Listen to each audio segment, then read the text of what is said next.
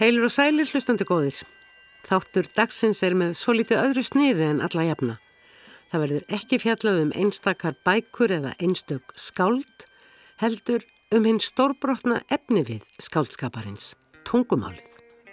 Ástæðan er grein sem forstuðumadur námsleðarinnar Ritlist eða skapandi skrif Rónar Helgi Vignesson, professor við Íslensk og menningadelt Háskóla Íslands, byrti í nýjútkomnu greinasafni Bloomsbury Academic og ber safnið titilinn The Place and the Writer eða Staðurinn og skáldið. Rónar Helgi fjallar í greinsinni um það að kenna ritlist á tungumáli í útrýmingarhættu. Stór orð, en kannski ástæða til að gömgefa þau í fullri alvöru. Já, ég, sko, ég upplifið það þannig að tungumálið sé í útrýmingarhættu. Ég upplifið þarna hættu.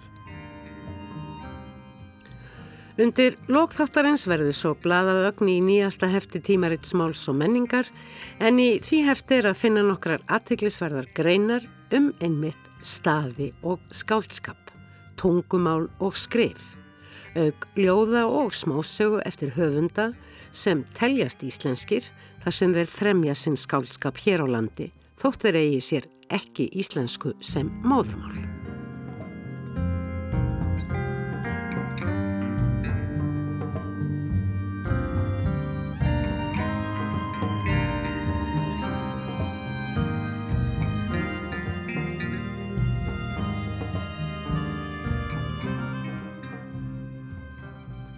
Reitlist hefur verið kend á sérstakri námsbröð við Háskóla Íslands frá því á síðustu öld. Allra fyrstu skrefin í þá átt voru stíin þegar undir lok nýjunda áratugarins þegar Njörður Pjörn Jarvík, professor í Íslandskum bókmæntum, tók að bjóð upp á námskeið í skapandi skrefum. Það var svo ekki fyrir en allangu síðar að farið var að huga að sérstakri námsleið í reitlist við Háskóla Íslands. Fyrst á B-stíi árið 2008 en síðan frá árinu 2011 á M-stíi. Fleiri týjir hafa lokið námi í reitlistið Háskóla Íslands á þeim rúmlega 20 árum sem fæið hefur liður í skipulöðu námsframbóði þar á bæ. Og stór hluti þessa hóps hefur nú lífsviður væri sitt meira og minna af skálskap og skrefum, reitstjórn og útgáfu. Þannig má til að mynda nefna margverlunaða höfunda eins og Dag Hjartarsson og Hildi Knútsdóttur sem voru meðal þeirra sem fyrst skráðu sig í reitlistanám árið 2008. Rúnar Helgi Vignisson, reithöfundur og þýðandi, hefur haft umsjón með námsbrautinni frá upphafi sem um margt er sniðin eftir áþekkum námsleiðum við Bandaríska háskóla þar sem farið var að kenna reitlis sem sérstakt fag í háskóla strax upp úr miðri síðustu öld. Í Evrópu hefur reitlist líka verið kenda háskólast í ára tugi, ímist innan háskóla eða í sérstökum reitlistarskólum. Og hér á landi er líklega danski reithöfundaskólinn þekktastur, forfattir skólinn. En hann stopnaði reithöfundurinn og gaggrinandin Pól Borum á samt nokkrum hópi danskra reithöfunda árið 1989. Og enn í dag má beinirinn segja það sér sjálfgeft að höfundar nýra danskra skáldverka hafi ekki komið við í reytöfundaskólanum. Háskólar eru alþjóðlega stopnarnir þar sem vísinda og fræðimenn hvaðana veður heiminum vinna saman að rannsóknum og eblingu hverskins námsleiða eins og greinasafnið sem nefnt var hér í upphafið The Place and the Writer vittnar um. Í safnun er að finna greinar eftir tæplega 20 kennara í reitlist frá nærfælt jafnmörgum og afar ólíkum löndum eins og til dæmis Pólandi, Japan, Suður Afríku, Finnlandi, Kóreu og einmitt Íslandi sem og auðvitað Breitlandi og Bandaríkinum. Höfundarnir nálgast viðfangsefnið frá mörgum og ólíkum sjónarhornum. Hér er fjallaðum aðferðir við samþættingu minninga og skálskapar um vegferð skapandi skreifa frá góðsögn til akademisks fags sem og sögulega og kennslufræðilega vít reillistanóms, svo eitthvað sé nefnt. Og þótt hér séum alþjóðlegt greinasafna að ræða og að af innleiðingu flestra greinana megi ráða nokkra áherslu á emmitið alþjóðlega og sameinlega, þá er ljóst að margir greina höfundana beina líka sjónum að sérstöðu námsleiðarinnar á þeim stað þar sem viðkomandi starfar við að kenna skálskap og skrif. Og það gerir einmitt Rúnar Helgi Vignisson og titillgreinar hans er eins og áður sagði Teaching Creative Writing in Threatened Language að kenna skapandi skrif á tungumáli í hættu. Rónar Helgi er hinga komin til að ræða þessa hættu. Er íslenskan í hættu, Rónar Helgi? Jafnvel útrýmingar hættu? Já, ég, sko, ég upplifið það þannig að tungumálið sé í útrýmingar hættu ég upplifi þarna hættu. Það er ímis hættumerki sem að manni e, finnst maður sjá hvað þetta varðar og maður sér það náttúrulega bæði sem íslenskur þegn og, og sem kennari. E, ég get nefnt sem dæmi að e, ég sé alveg greinilegan mun á því frá því að sagt, ég hóf störf þarna fyrir 13 árum á þeim fyrirspurnir sem koma frá vantarlegum umsækjandum um hvort að þau megi senda inn efni á ennsku. Það er að segja skáldskap sem þau hafa beinlinni skrifað á ennsku. Já, það er nú þannig hjá okkur að þegar að sótt er um nám í rillist þá þarf að senda inn ritt síni alltaf 25 síðum. Mm. Þetta er svona eins og mappan í myndlist skólanum. Já, já, já, já. Þannig að, eh, og síðan er intökunemnd, þryggjamanna intökunemnd. Og í þessari intökunemnd setur þú og tveir fulltrúar rítumundarsambandsins? Já, við um, fengið rítumundasambandi til þess að tilnefna alltaf tvo og nú eru við orðinni tveir fasti kennarar þannig að við skiptumst á að vera í nefndinu. Ég verð mm. til dæmis ekki í nefndinu núna. En já, við reynum að hafa sagt, mjög fjölbreytta nefnd en auðvitað höfum við öll okkar sjónamið sem er okkur ljós og, og óljós sem við förum eftir þegar valið er inn í náma þessu tægi. En ef við bara tökum þann tíma sem að meistaranámið hefur verið í líði, þá hefur umhverfi íslenskunar ger breyst.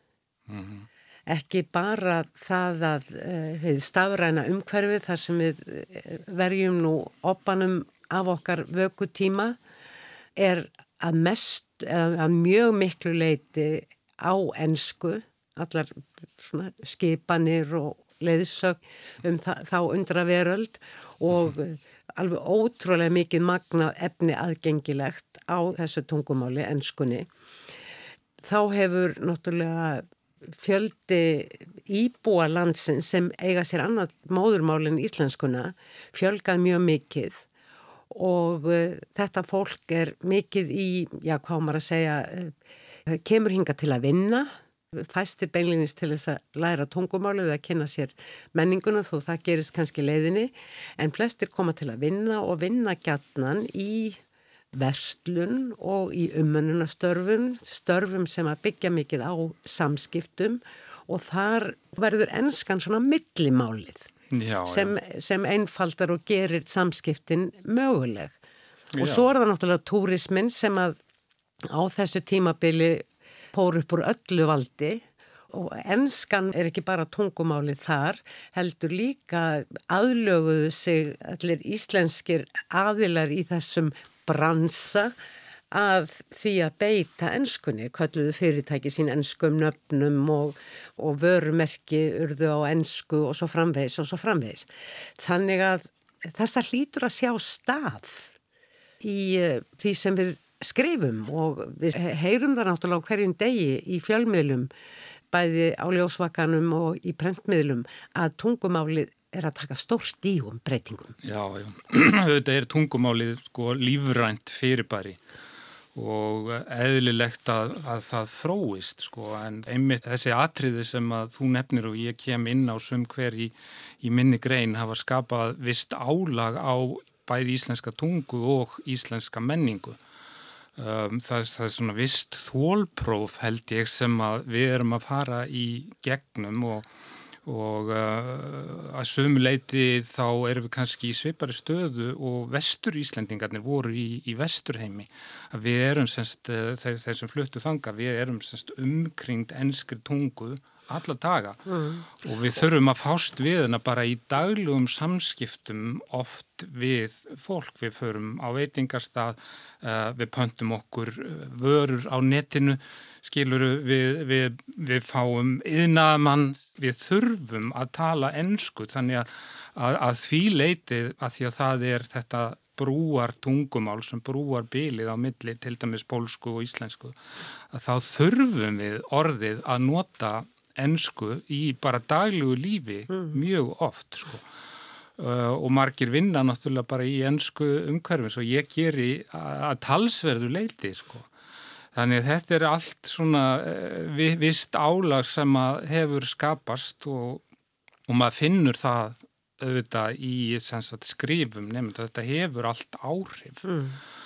og, og þó að við séum að reyna ennþá að halda svona í eitthvað málstaðal mm. stafsetningarreglunur og allt þetta er partur af þessum málstaðli að þá finnum maður að hann heldur ekki eins vel og hann gerði og unga fólki okkar hefur alist upp við það að húnum er ekki fyllt á vefsíðum, húnum er fyllt enþá í dagblöðum, prentuðum en til dæmis í, á öllum vefmiðlum vef, sko, þá þarf maður ekki að lesa lengi til þess að sjá að það er bröðið út af staðlinum, skilur, mm. sko, meiri sé hérna e, hjá flagskipi þjóðurinnar vef rúf, skilur, maður þarf ekki að lesa hann lengi til þess að sjá það.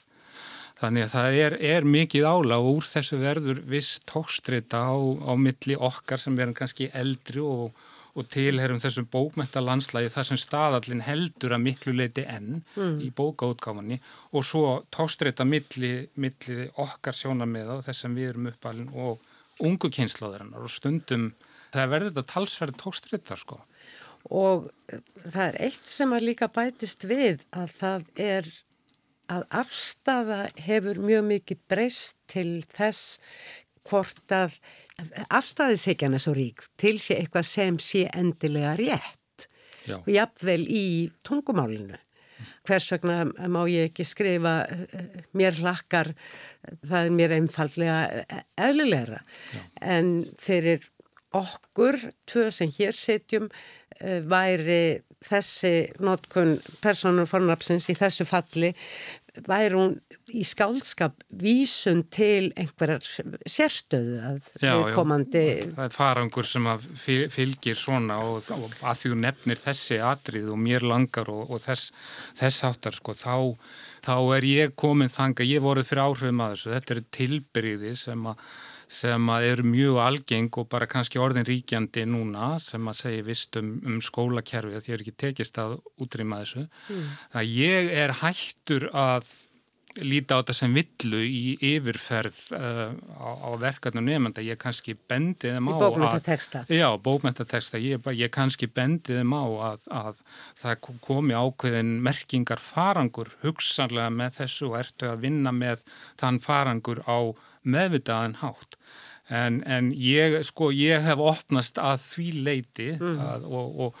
og umbörlindi mitt sko, hefur einhver leiti aukist gagvart uh, svona tilbreyðum í, í, í málinum og þetta finnst mér ekkert stóra atriði í uh, þróun tungumálsins. Það, er, eru önnur atriði sem eru miklu veiga meiri þegar maður er farin að sjá að beigingakerfið er farin að láta undan síga og, og við erum farin meir segir yllist farin að fá nefendur sem hafa mjög litla tilfinningu fyrir viðtengingarhættinum. Og þá er, er uh, mjög stór vangur blæbreyða tungumálsins og hárfýns munar einlega fyrir bí.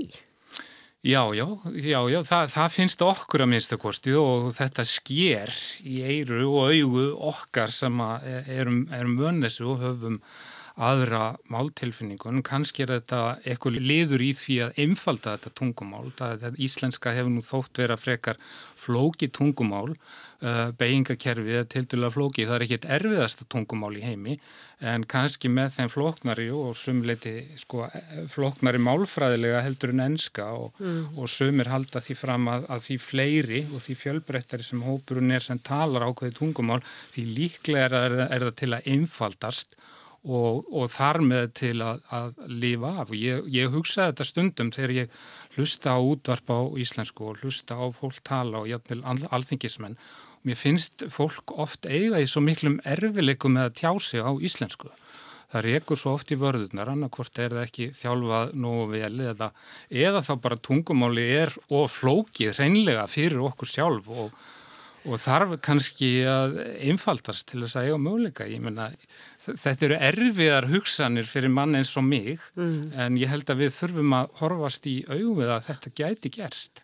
Við tölum nú gerðnan um það að eh, heimur okkar sé verði stöðut flóknari en tungumál sem að eh, er á þessari vekkferð sem að þú og við höfum verið að lýsa að það, það sem enkenir það er í rauninni að það er að verða einfaldara Já og, og alþjóðleira, það er náttúrulega, það er að blandast öðrum tungumálum. Það... En spurningin sko hvort að þetta einfalda tungumál duði til að tjá þennan flokna veruleika, eða er þetta miskilingur með þennan flokna veruleika? Já, ég mitt sko, þarna komum við að, að vissri, vissri mótsögni því að veruleikin er kannski bæði að verða floknar og einfaldari Á, á sama tíma sko mm. og stundum hef ég hugsað hvort að svo breyting sem er að verða á íslenski tungu núna og þessar Uh, alltaf því hömlulöysu slettur sem verður var við stundum í Háskóla Íslands meiri sér. En þessi breyting var til dæmis á Norðurlanda tungumálunum fyrir nokkrum öldum skildur, auðvitað voru þau nær Evrópu. Við erum að færast í vissuleiti nær öðrum löndu núna út af netinu og fá ferðalögum. Mm, yeah. En þetta gerðist þá þar við sátum eftir hérna úti í miðjallarsafi með okkar forn íslensku og enginn skildi okkur lengur skilur, sko, við ættum ekki þetta kveðið fyrir konungana þannig innsemd okkar og njókst að, að vissu, vissu leiti mm. og mörgu leiti sko þó að sé erfitt að fara í gegnum þetta fyrir okkar kynslu held ég sko að því að okkur finnst eins og hluti af okkur sé að deyja mm. einhvern veginn að, að við séum að verða hálfpartin innflytjendur í okkar tungumáli sko þá er þetta mjög skiljanlegt allt saman í, í ljósi þess hvernig líf okkar fer að svo miklu leiti fram á þessum netmiðlum þar sem að enska er svo ríkjandi tungumál að minnst okkursti í okkar heimsluta enska er ekkit allstæðar eins er ríkjandi eins og hann er hér. Hefur þetta beinlinis haft áhrif á hvernig þið uh, búið til ykkar námskeið, hvernig þið kennið og leiðbeinið uh, nefnendum í rillist. Þetta staður og skáldskapur uh, sem er yfirskrift þessarar bókar, eins og ég segi, ég hef ekki lesið greinatan, en er þetta, eru þessi tengsl mjög sterk að því er verðist út, út frá þessum greinum sem þarna eru? Já, ég held að sé alltaf mjög sterk tengst alltaf á milli staða og, og þess sem skrifaðir mm.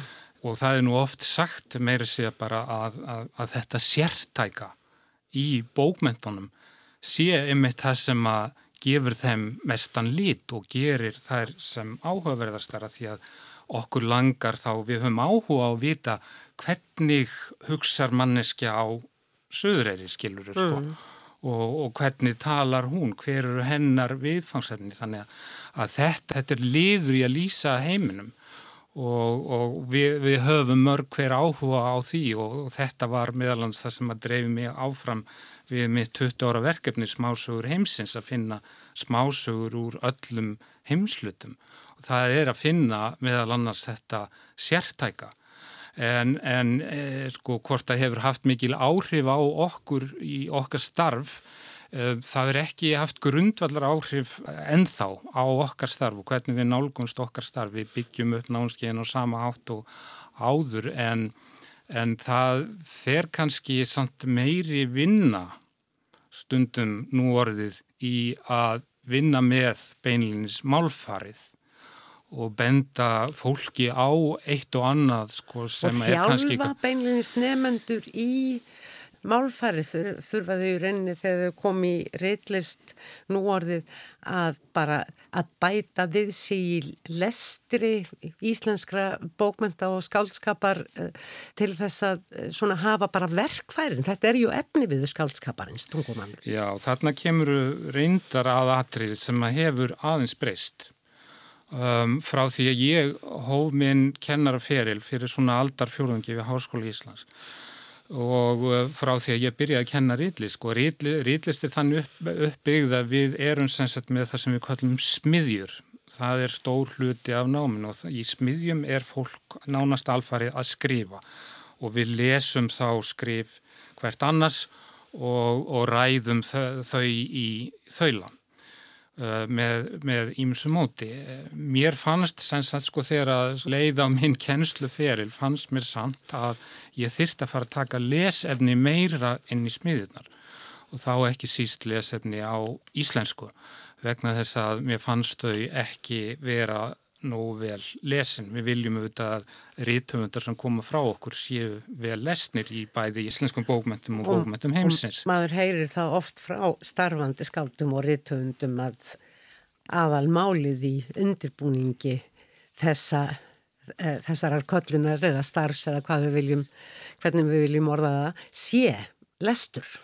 Já, já, það er alveg bara partur af náminu, sko, eitt fjóriði af náminu á að vera í formi fræðilega námskeið og þá oftast það er um bókmentir og það ber öllum rítöfundun saman um það að það sé mjög mikilvægt að vera stöðut að lesa, að mikilvægt á margan hátt, sko, mm. bæði hugmyndalega, sjá, sko, fá hugmyndir og, og svo líka læra alls konar stílbröð og tækni af öðrum höfundum þannig að, að þetta fer auðvitað saman og það er mjög sjálfgeft að ykkur eigi sko langan feril sem rítfundur á þess að vera vel lesin eða mm. hafa á ykkurum ykkur æfið skeiði virkilega lagst onni bókmentir og, og, og það menn, menn afhjúpast mjög fljótt kannski ná ykkurum bókum á þess að vera vel lesnir en, en svo gefast þér oft upp, sko, mm. ekki erindi lengur eða eitthvað slíkt, sko. Rennur það sitt skeið? Já, já, þannig að ég hef, sko, farið að taka meiri lestur inn í þessar svo kalluðu smiðjur. Svo þá er ég að sína þeim hvernig höfundar hafa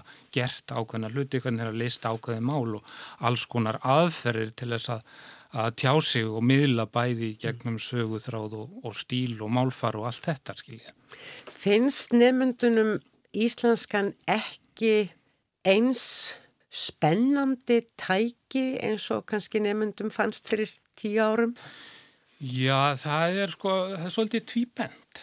Auðvitað er íslenskan kannski ekki eins miðlag í þeirra reynslu heimi hún var. En þau segja hins vegar oft og þegar að þau lesa semst, til dæmis þýtt efni mm. því að þau þurfa að lesa talsvört á einsku líka þá segja oft ó hvaða er gott að lesa á íslensku og við höfum, ég hef alveg tekið þátt í námskeiðum þar sem að við höfum þurft að nota ennsku mm -hmm. út af því að það, það voru erlendir skiptin en bara á námskeiðunum og þá finnst þeim erfitt að tjá sig á ennsku. Við erum ekki komin það langt, við höldum stundum og fólk heldur stundum að það sé komið miklu lengra með ennskufærni sína mm. heldur en raunber vittni og þegar það ávirkilega að fara að tjá sig um flókin málefni þá er það erfitt, það er átak, það er auðveldara ennþá á íslenskunni sem betur fer. Mm. Þannig að þau eru oft mjög þakklátt fyrir að fá að lesa á íslensku, mm. þau eru það líka, sko. skulum ekki gleyma því. Nú hefur það auðvitað gerst í eh, nágrannlöndum okkar, bæði í mennskumælandi heimi og í talnugum í, í Evrópulöndum, Norðurlöndunum og, og viðar, Fraklandi, Þískalandi og, og svo framvegis að þangað hefur flust fólk, við töluðum með myndum nýja íbúa Ísland sem ekki eiga sér íslensku að móðumáli en sem hafa orðið rithöfundar mm -hmm. og komið fram með eh, fram úr skarandi bækur og svo er það jafnvel eh, höfundar sem hafa flust búferlum eða hreinlega kosið að skrifa á öðru tungumáli heldur en sínu móðumáli Samúl Beckett. Þessi þróun verðist einhvern veginn ekki hafa orðið hér. Auðvitað hafa, hefur sest hér að fólk sem að gætnan vil skrifa. Þetta fólk hefur helst eða miklu ríkara mæli skrifað á ennsku og ekki náð fótfestu hvort sem það er okkur sem eigum íslenska móðumála að kenna eða, eða hverju. Náð fótfestu með uh, sitt efni, sinn uh, skáldskap. Og samt hefur verið talsverð virkni í nokkrum hópi uh, skálda sem að rita á öðrum máli en íslensku. Þá er það oftast enskan. Mm og hefa mér sér gefið tímaritt í allmörg ár og svo framvegs og þetta er mjög áaverð sín oft sem að okkur byrtist þar á land og þjóð og allt umhverfi.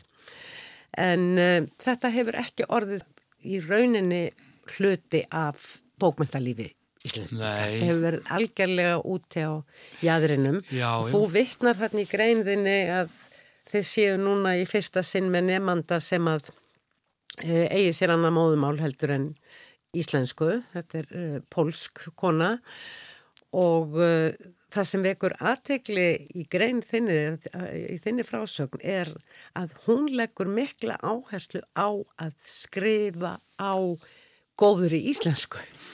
Já, ég, sko, ég fer svolítið í gegna það og hún gaf mér leiði, best að taka það fram, hún gaf mér leiði til þess að, að hérna, fjalla um hennar mál og hennar afstöðu og þetta er mjög áhugavert að sko að hún skuli líta svona á vegna þess að hún hefði alveg geta og það eru dæmum það erlendist til dæmis í Ástralíu sem er ekki í greininni að, að innflytjenda höfundar hafa ákveðið að skrifa bara á bjagar í ennsku Non-native English já, einmitt, ég var um að spekla hvernig það var hægt að þýða það. Já, já, og þá, þá er það þetta ennska sem, sem að sko kemur með heilmikinn farangur og hún er bjöguð á, á ákveðin hátt og stundum finnst fólki eins og það ákveðin hljómi stíl. Já, já, ákveðin stíl og, og hérna fólki finnst stundum eins og það sé eins og í stöðu batna, sína get ekki tjáð sig mm. alveg eins og fullornir hefur ekki sama orðaforða, hefur ekki málfræðina alveg á valdi sínu og það er ekki allir sem að vilja fara þangað,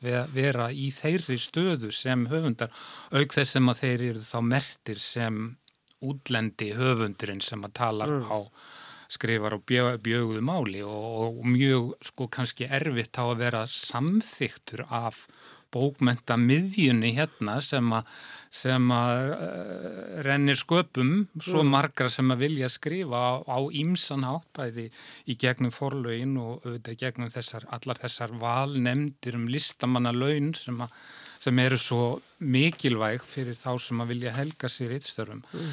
Þannig það er mjög margt sem hangir þarna á spýtinni hjá henni en hins vegar Þá, þá skrifar hún samt þó að íslenskan sé kannski alveg málfræðilega réttir að búa þeirra þegar hún búin að, að vinna með hann og fá aðstof við hann þá leifa, sko, leifir hún sér og yfirlesar henni að stundum að skilja eftir einhvert orðalag sem er svolítið öðruvísi pínu færiska í því ef þú skilur hvað ég hvað, að bara fari aðra leið með tungumáli heldur um viðrum vön mm. og þá verður svona ákveði nýsköpun. Mm.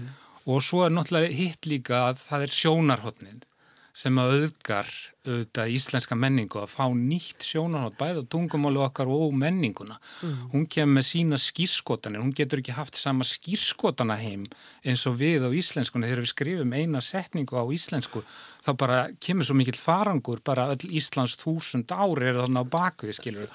Hún Jónas og allt. Já, já, þetta er allt þarna á bakvið í hverja einustu setningu, sko og og rópar á okkur þegar það er farið aðra legin og slett í staðin fyrir að nota þá rópar það á okkur að það, það er verið að svíkja hérna Íslands þúsund ára og allt þetta sko. Þannig að það er mjög margt sem hangir á, á spýtun en ég held að þetta sé samt að, að byrja að, að koma, auðvitað er þetta alltaf erfiðast fyrir þá sem eru innflytjendunir, svo koma afkomendur þeirra sem að hafa þá vantarlega lært íslensku og eru tvítingdir í aðneil mm og það eru þeir sem að síðan slá í gegn eins og Amy Tan til dæmis í bandarækjanum kínversk amerískur höfundur sem að breytti alveg sín bandarækjamanna á, uh, á kínverja og, og kemur þarna með nýja tegund eila af, af bókmynda, algjörlega nýja sín á bandaræksk samfélag líka skilur, bæði á kínverja og bandarækjaman sko, mm. þannig að það, það er svo mikið, mikið sem, að, sem við græðum á að fá svona rattir Já, það er mjög aðtiklisvert í nýjasta tímariti máls og menningar að þar eru þrjú, byrta þrjú ljóðskald ljóð eftir sig og, uh, og þau eru mjög ólík.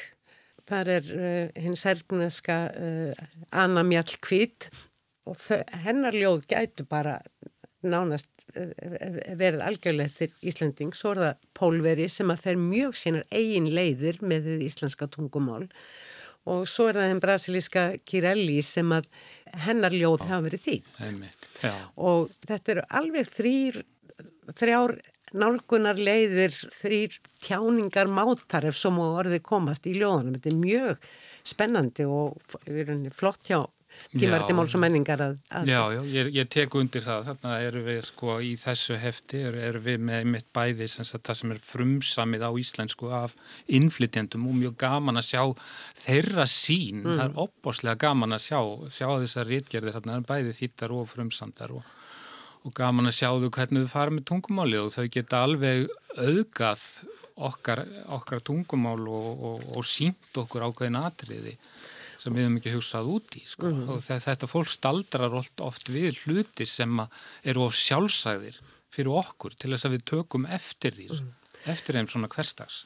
Það er til dæmis mjög heillandi teksti einhverstar á mörgum greinar og, og skálskapar eftir einmitt má og alheimstóttir sem ég skildi að sé nafn þeirrar mm -hmm. pólsku sem að þú vitnar til í greinðinni um, um það að eiga heima í heiminum Já, í rauninni. Já, já hva, hva, og eiga heima í tungumálunu og, mm. og, og, og það er svo merkilegt að henni finnst eitthvað neina, eitthvað sem gerist þegar hún kemur til Íslands og fer að heyra íslenska tungu henni finnst hún eiga heima á eitthvað nátt í íslenskri tungu kemur, fer, fer aftur og kemur svo að hún fer að mm. kalla, kalla á hann og þetta er mjög sérstakt sjónamið sem, sem að hún hefur þarna og mjög spennandi og það, þess byrja að geta að samnefnundum fannst rosalega gaman að hafa hana í tímum og sjá verk eftir hana og hvernig hún nálgæðist og, og líka hvað hún hafði um þeirra verk að segja því mm. hún kom svolítið öðruvísi að þeim, hún kom með alltaf að sín. Já, já um. það er svo dýrmætt fyrir svona litla þjóð út í miðju allansæðu að mm. fá þessi sjónarhótt. Þetta eru öðrum þræði spennandi tímar en þeir eru líka ansi háskalegir fyrir tungumólið ekki satt. Jú, þegar, ég minna sko þegar maður eh, fólk eins og við sem hefur helgað sig íslenskri tungu og menningu alla sína æfi og þegar að það síðan sko verður roskið eins og við stefnum í að verða að, að uppgöta það að þessi að sé að fjara undan sjálfum tjáningar miðlinum og að við hefum kannski erfitt eins og ég heyrði fóreldra mín að segja í gæri í samtali erfitt stundum með að skilja ungt fólk í fjölmiðlum. Mm. Það er hreinlega erfiðara fyrir eirað í þeim að skilja yngra fólki, kannski er það alltaf svolítið svoleiðis að þau, þau tala ekki einn skýrt en það er líka eitthvað, eitthvað annað sem er að gerast. Þannig en það er líka sko... þannig að yngra fólkið á jáfnvel stundum erfitt með að skilja þá sem að rosknari eru. já, já, maður fær æg skrítin orð og, og, og, og skrítin beigingar form og viðtengar átt og allt hvað. Já, já, já, já og maður fær æg oftar spurningar sko um hvað hva þýðir þetta? Og Já, reyndar personlega svolítið erfitt með það, þá afstöðu sko þegar, þegar að fólk vill ekki læra sagt, þennan tjáningarmáta, þetta orðfæri. Og mér finnst að við, við eigum að vera opinn og reyna að tryggja það sé svona allavega flæði á milli, já, milli kynnslóða sko, við, við viljum ekki bara, sko, bara að, að, að tungumál okkar hverfi bara mjög snögt.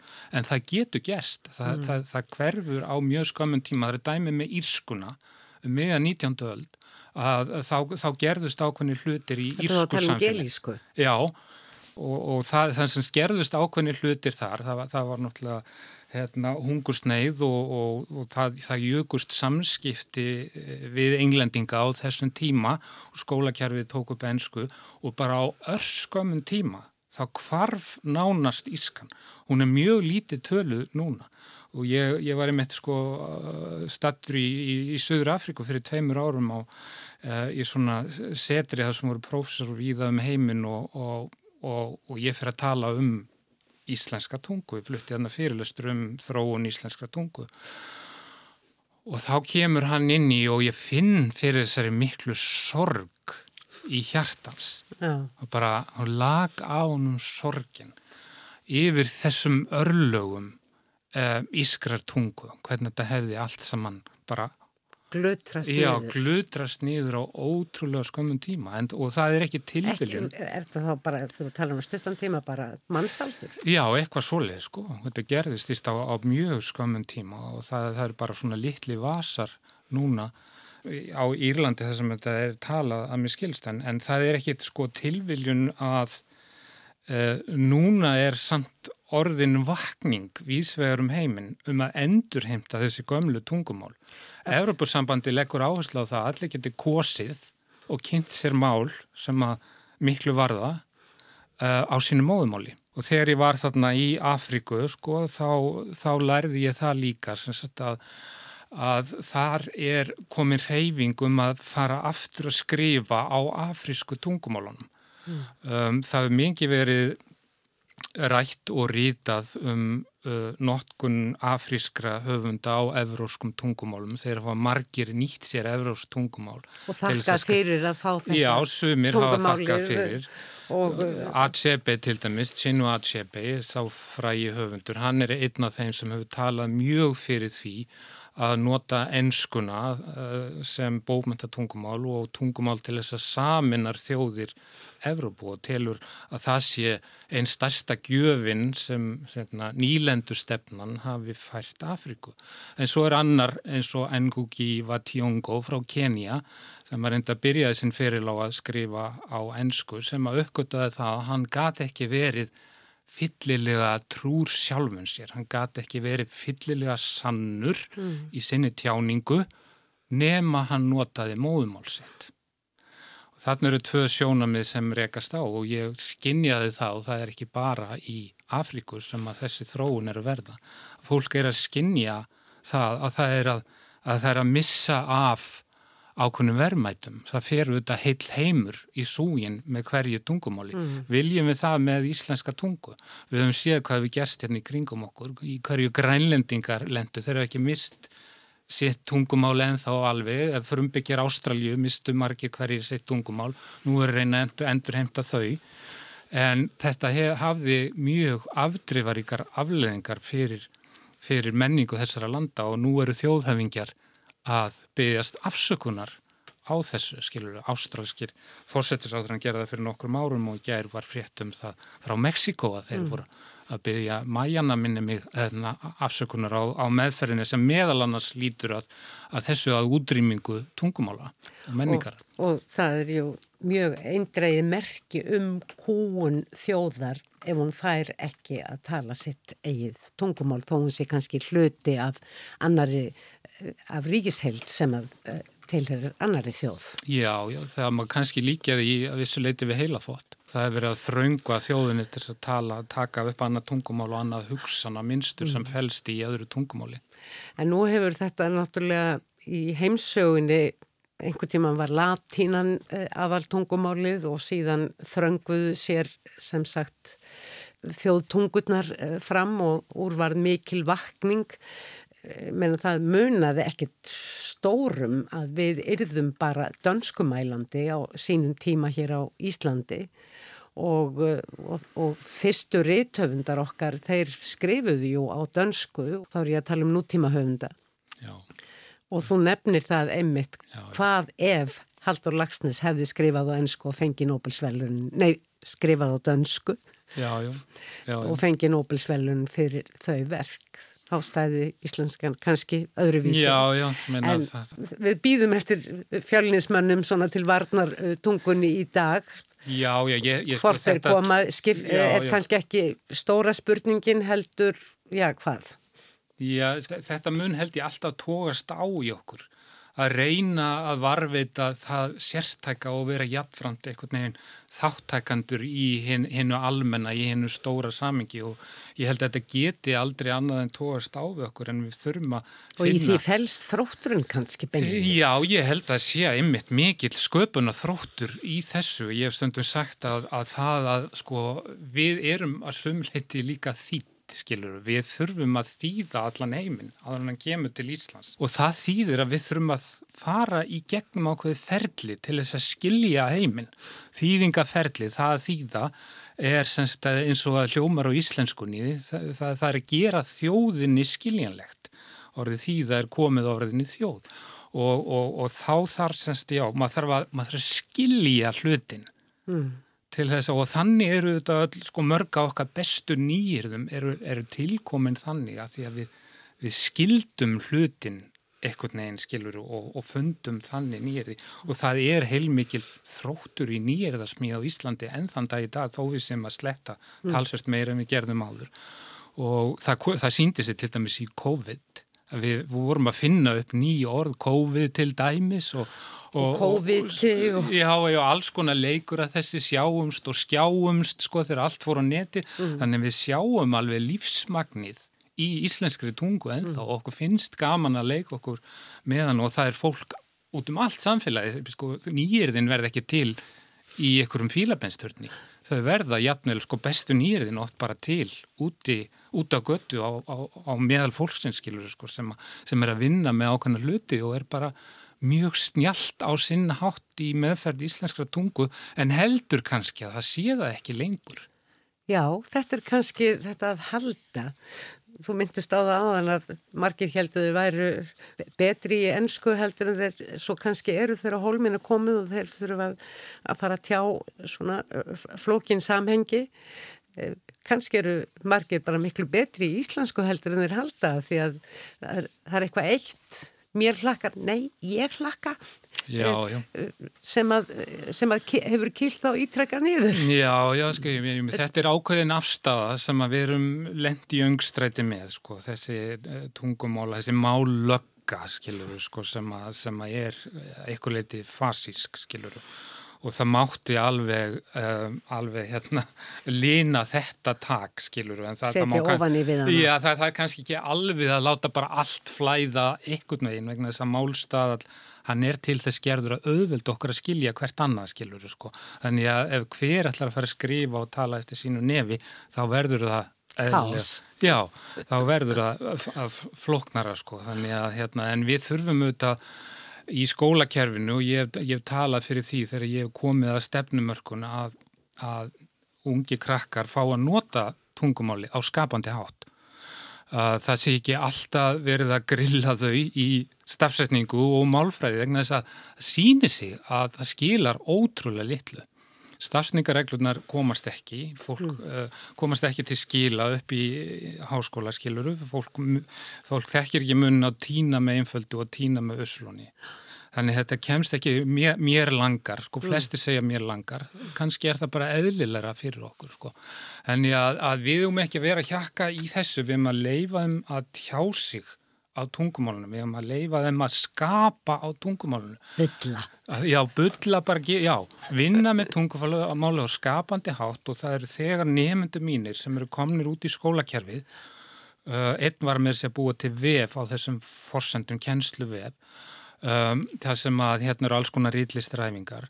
Þau eru farin að prófa þessar aðferðir á nefndum, þeim að skrifa og það skýla sér í miklu meiri gleði mm. og það, það er sköpuna gleði, það er eitthvað sem gerist í heilanum á okkur við að skapa sjáðu, þetta gæti ég, sjáðu mm. það er eitthvað gleði hormón sem koma og þess neyfa að leifa þeim að skapa, vinna með tungumáli tjá sig eins og þau þurfa en, en læða svo inn þau sem, því sem þau þurfa. Skemta þeim svo með ýmsum þrautum. Já, vegna þess að það er að kenna allt í gegnum skrif, til dæmis í gegnum tungumálu. Það eru þetta ástæðan fyrir því við notum skrif í skólakerfinu. Við skrif eru leið til þess að hugsa, til þess að koma reglu á hugsanir sínar, til þess að átta sig á því hvað maður veit og veit ekki. Þannig að það, það, er, það er náttúrulega mjög öflutt lærdomstæki og að kenna allt í gegnum nánast allt í gegnum skrif. Mm. allavega bóklegt sko.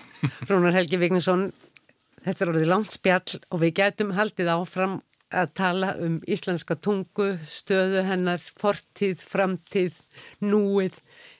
Ég held bara hreinlega endalöst en þakka þér innilega fyrir þetta var skemmtilegt. Takk sem leiðis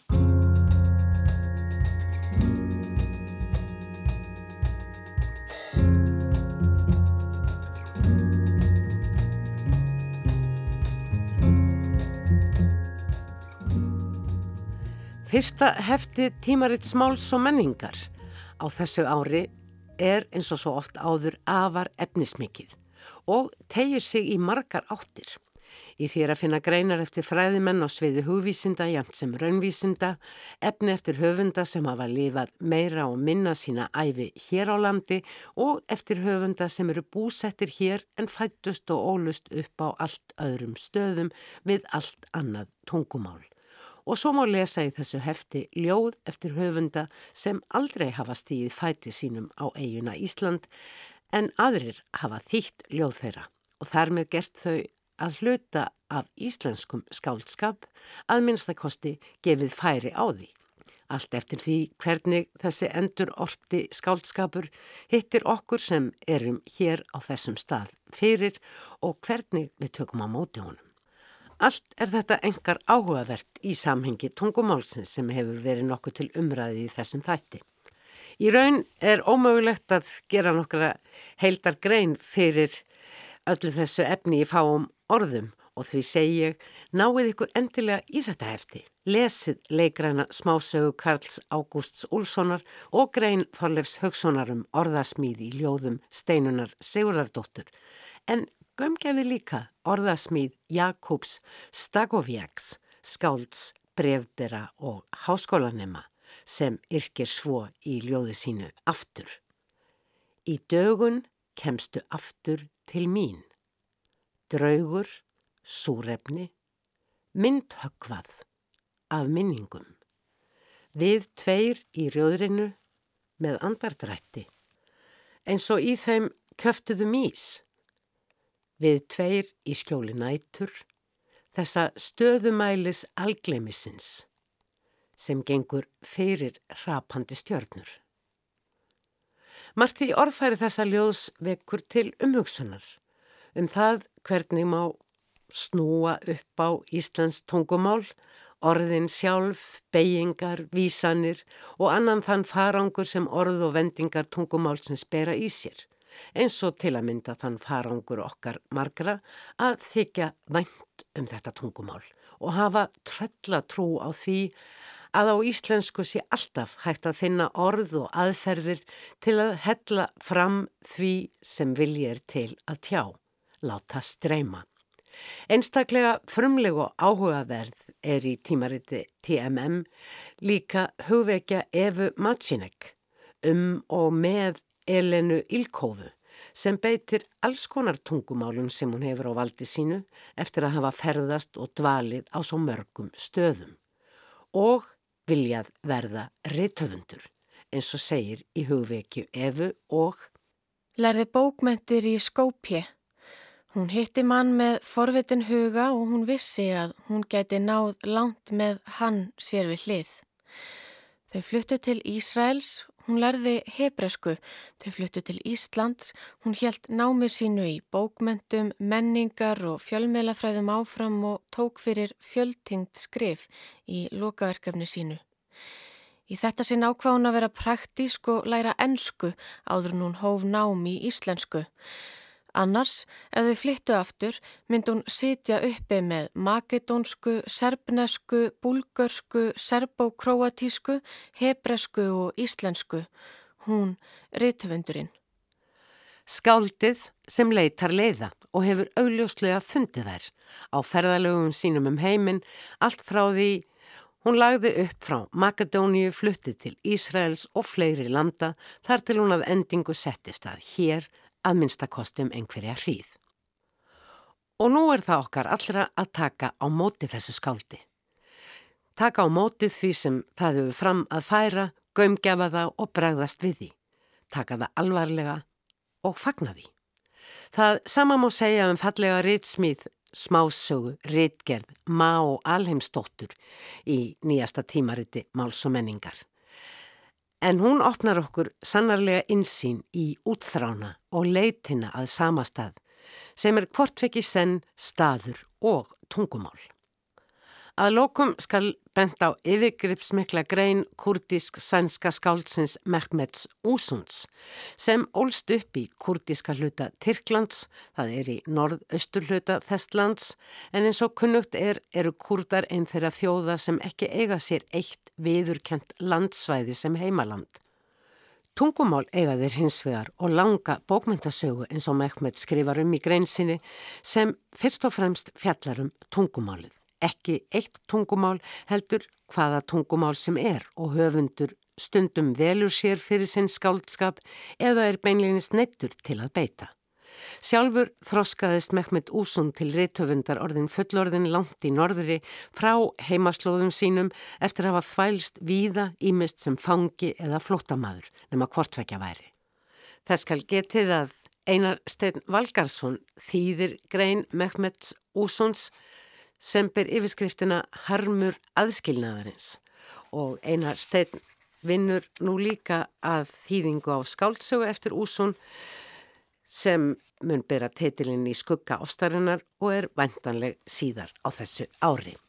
Í greinsinni fer Mehmet Víða um bókmyndasögun og nefnir marga úr þeim stóra hópi skálda og rittöfunda heimsins sem ímist að eigin osk eða tilneitir skreifa sinn skáldskap á öðru tungumáli en móðumáli sínu eins og hann sjálfur mátti gera þegar hann loks fann hæli í Svíþjóð þar sem hann öðlaðist nýtt land, menningu og bókmyndir. Ég kynntist nýju fólki, síðum, gildum, upplifunum, tungumálum og menningu.